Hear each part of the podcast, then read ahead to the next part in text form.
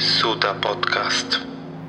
Dzień dobry wszystkim, witam Was w szóstym odcinku Suda Podcast i moi drodzy, dzisiaj porozmawiamy sobie o czymś bardzo ważnym zawodowo, czyli jak być ilustratorem, a w szczególności ilustratorem mody i nie głodować. Tak, moi drodzy, będziemy dzisiaj rozmawiać o poważnych sprawach związanych z zawodem kreatywnym, jeżeli chcecie być ilustratorami, ilustratorami mody, jak i też byście chcieli być malarzami. To wszystko jest bardzo ważne i w tym aspekcie porozmawiam z Wami na temat tego, jak rozwijać się twórczo, ale jednocześnie też posiadać jakieś dobra finansowe, by przeżyć w tym okrutnym świecie. Żartuję oczywiście, ten świat nie jest okrutny, to ludzie są okrutni. Słuchajcie, to, to jest prosta sprawa. Chcesz coś robić w życiu zawodowo i chcesz się rozwijać kreatywnie, to musisz na to zapracować. Wiecie, jak to jest? Ja y, często spotykam ludzi i Zazwyczaj ci nowi ludzie, którzy mnie na początku poznają, to zaczynają zdanie od tego: O, ja też kiedyś rysowałem, o, a ja też malowałam. Super, ja też kiedyś miałem piątkę na maturze z biologii, jakoś lekarzem nie zostałem. Wiecie, takie pieprzenie do ciebie o tym, że ktoś kiedyś rysował bądź malował, świadczy o tym tylko i wyłącznie, że jesteśmy wychowani w systemie edukacyjnym, który uświadamia nam, że tworzenie bądź bywanie w zawodzie kreatywnym jest związane tylko i wyłącznie z jakimś powołaniem hobbystycznym. Co mnie oczywiście bardzo denerwuje, bo jeżeli ktoś bardzo poważnie traktuje sztukę albo y, swój własny zawód, będąc, nie wiem, filmowcem, grafikiem, ilustratorem, malarzem, artystą, wystawiającym się w muzeum, nie jest to jego hobby, to jest jego życie. Pamiętajcie o tym. Zawód kreatywny to jest wasze życie i on będzie z wami do końca. To jest tak jak kiedyś mm, słuchałem pewnego wywiadu i, i, tutaj ja już widzę te wasze miny, jak to powiem, ale oglądałem wywiad z Marcinem Tyszką. No i e, kiedy go spytała m, mm, dziennikarka o to, czy e, ma kogoś, jakąś bliską osobę, to on powiedział, że jego najdłuższym związkiem w życiu jest związek ze sztuką, która go nigdy nie zostawiła, mimo tego, że jest zazdrosna. Jest coś w tym takiego. Jak, jak byłem młodym człowiekiem i oglądałem ten wywiad, to myślałem, co? Teraz wam powiem, jak stary dziad, że no, związek z, z zawodem kreatywnym to związek na całe życie i musicie szanować ten związek, a jednocześnie też nie zatracać się e, wobec innych osób tylko i wyłącznie ze względu na to, co e, dana osoba wymaga od was, a wy stracicie poprzez własny rozwój. Taka mała anegdotka filozoficzna na dzień dobry. Natomiast przejdźmy do finansów. Kasa jest najważniejsza, oczywiście, według niektórych. No, w moim przypadku to ona szybko przychodzi, szybko odchodzi i to jest bardzo złe myślenie, ponieważ powinienem oszczędzać, ale każdy z nas oszczędza na swój sposób, jak potrafi. I dlatego się z tego tak śmieję troszeczkę, ponieważ e, no, jeżeli mamy rozmawiać o szczerych, e, szczerze o finansach i o szczerych zarobkach, to muszę Wam powiedzieć, że no niestety, jeżeli chcecie pójść drogę ilustratora bądź ilustracji mody, no to musicie wiedzieć o tym, że no często nie zarobicie. Ten rynek jest ubogi, jeżeli chodzi o takie rzeczy. Zazwyczaj redakcje szukają teraz, na ten moment, ludzi, którzy będą im robić za pół darmo bądź za darmo, najlepiej, ilustracje. E, mało kiedy trafia się wam porządny klient. Ten klient trafia się w momencie, kiedy wy poprzez kilka lat pracy dorobicie się jakiegoś portfolio i dorobku artystycznego i wtedy spotkacie takiego klienta, który będzie chciał was, was zainwestować, jednocześnie podjąć z wami współpracę i będzie się jeszcze tym szczycił.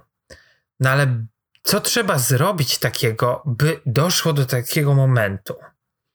Jedną z podstawowych e, funkcji, które trzeba sobie zakreślić w, w zeszyciku, kurczę, patrzcie, ciężko mi było wymówić to.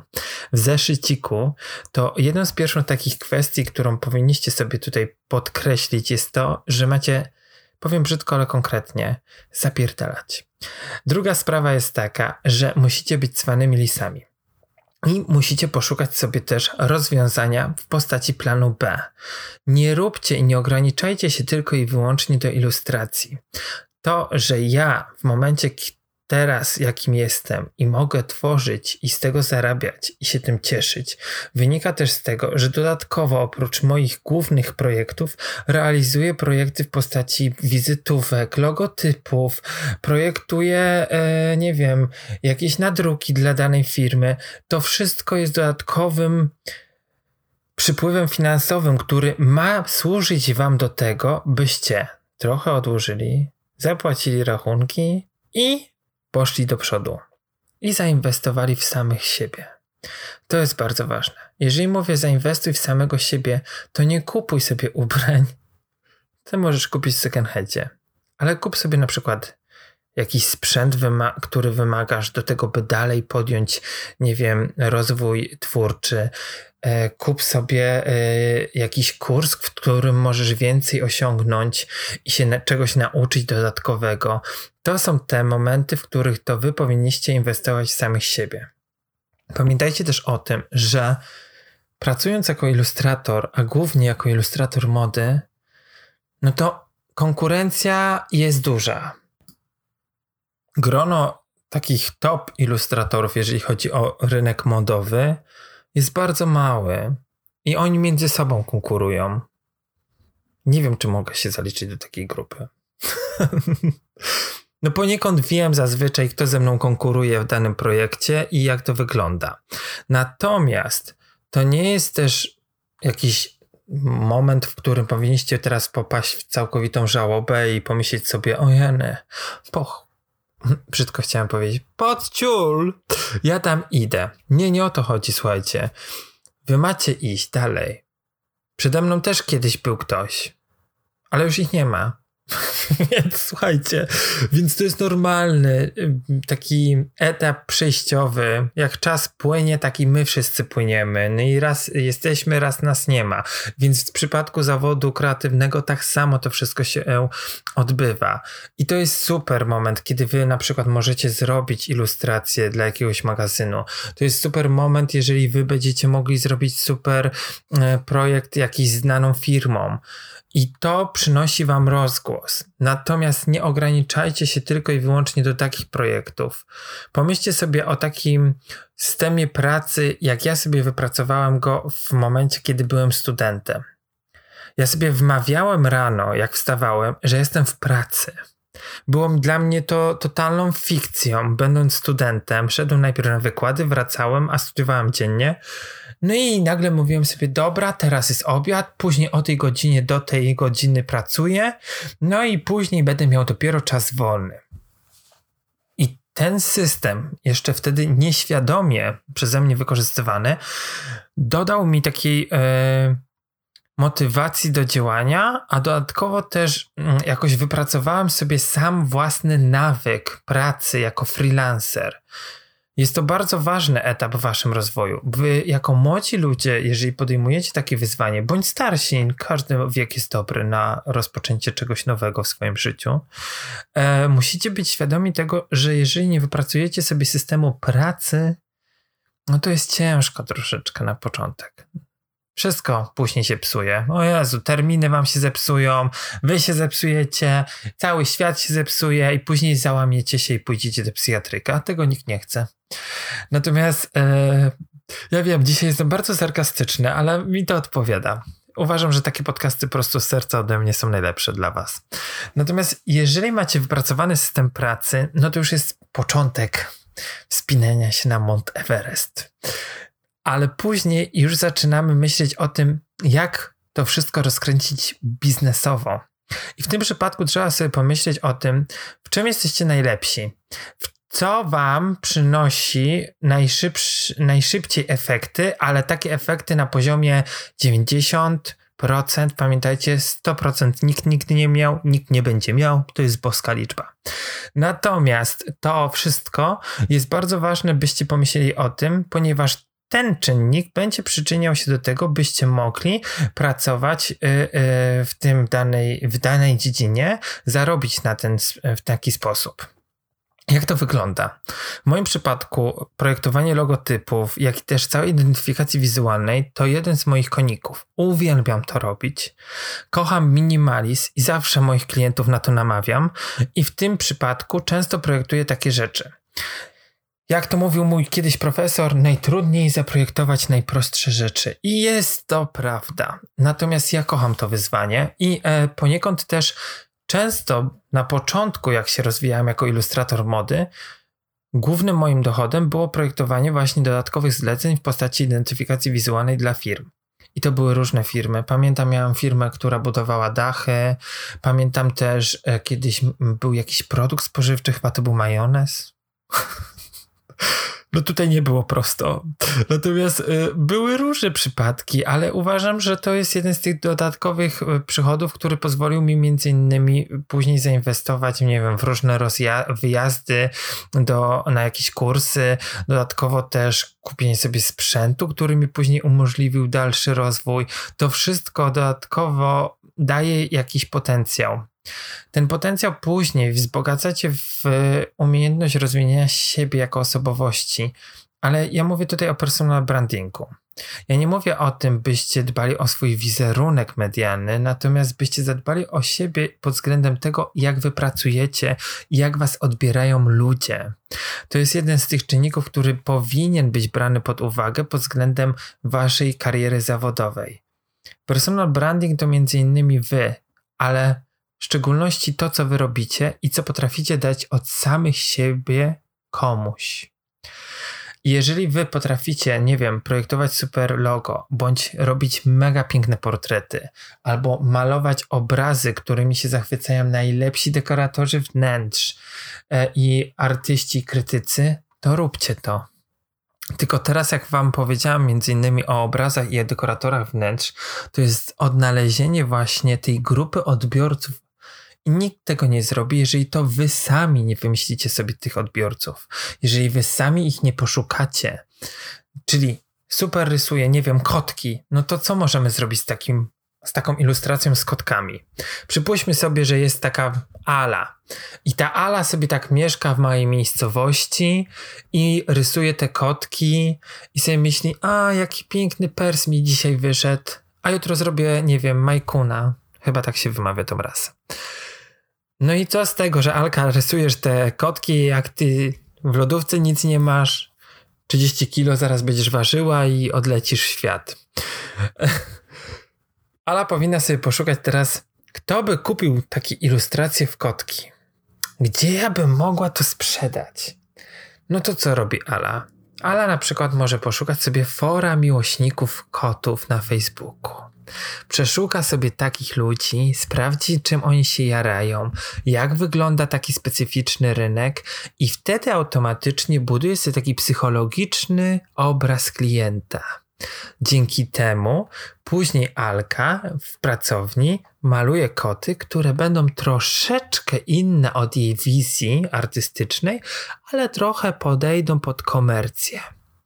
Dzięki temu Ala później na tym forum napisze, że słuchajcie, też kocham kotki. Patrzcie, jeżeli ktoś by może by, byłby zainteresowany portretem własnego kotka, bądź na przykład, nie wiem, e, chciałby mieć w domu mój plakat, to zapraszam do mnie. I tak się buduje relacje z klientem.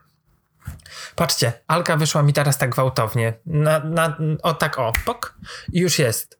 I sobie tak pomyślałam, dobra, no to wymyślmy z tą Alką przykład na raz, dwa, trzy. Przykład tego, że ja to tak wymyślam od razu, nie wynika z tego, że ja mam po prostu bujną wyobraźnię, tylko mnie życie tego nauczyło. Tak samo mój klient jest specyficzny i ja mam, mam trzy, trzy różne rodzaje klientów, i każdy z nich jest inną osobowością. I ja wiem, że ta dziedzina, w której ja robię, ona trafia do tego klienta, do klienta B trafia coś innego, a do klienta C trafia całkowicie coś innego ode mnie. I to są różne rynki, ale też się nie ograniczam. Ja rysuję, maluję, projektuję, wykładam, bawię się w influencerkę. To wszystko wynika z tego, że poniekąd funkcjonuje w różnych środowiskach zawodowych i tam się też rozwija. I wy macie podążać takim trybem myślenia, jeżeli chodzi o wasz zawód kreatywny. To, że teraz w momencie, nie wiem, ktoś z was siedzi w domu albo nie może znaleźć pracy, to nic strasznego. Ważne jest to, żebyście się jutro obudzili i sobie powiedzieli: Dobra, nie daję dzisiaj ciała, ogarniam się, ogarniam swój umysł, ogarniam samego siebie. I nawet gdyby ktoś, nie wiem, nie odpisał wam na maila, to nie macie sobie do zarzucenia nic w postaci tego, że byliście leniami i nie spróbowaliście. Ja wiem o tym, że brzmi to dość coachingowo, natomiast warto pomyśleć o tym, czy warto być takim tylko i wyłącznie ilustratorem, czy pójść w innym troszeczkę kierunku, ale głównie będąc ilustratorem. O, to zabrzmiało dość mądrze, chyba. Jeżeli dobrze wiecie o co mi chodzi. Ale mam podejrzenia, że na pewno większość z Was, która odsłuchuje moje podcasty, już dobrze mnie zna i mój styl mówienia i to, w jaki sposób chcę dotrzeć do Was.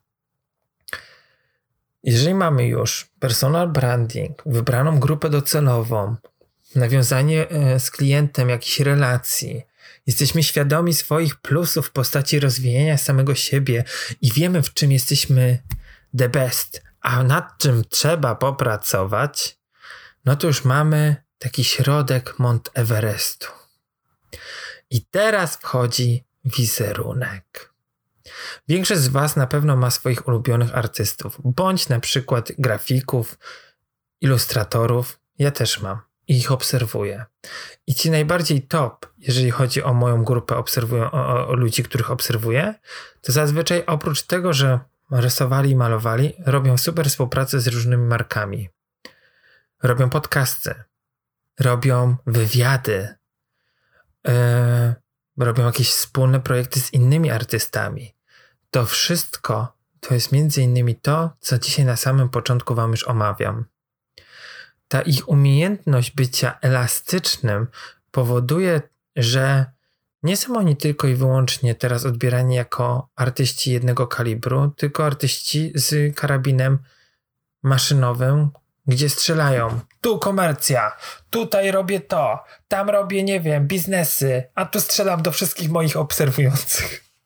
I to wszystko wynika z tego, że oni chcą być trochę takimi ludźmi, którzy są kreatywni, ale są też elastyczni pod względem zawodowym. I to jest super rzecz. Ja tak samo i podążam tym ich krokiem.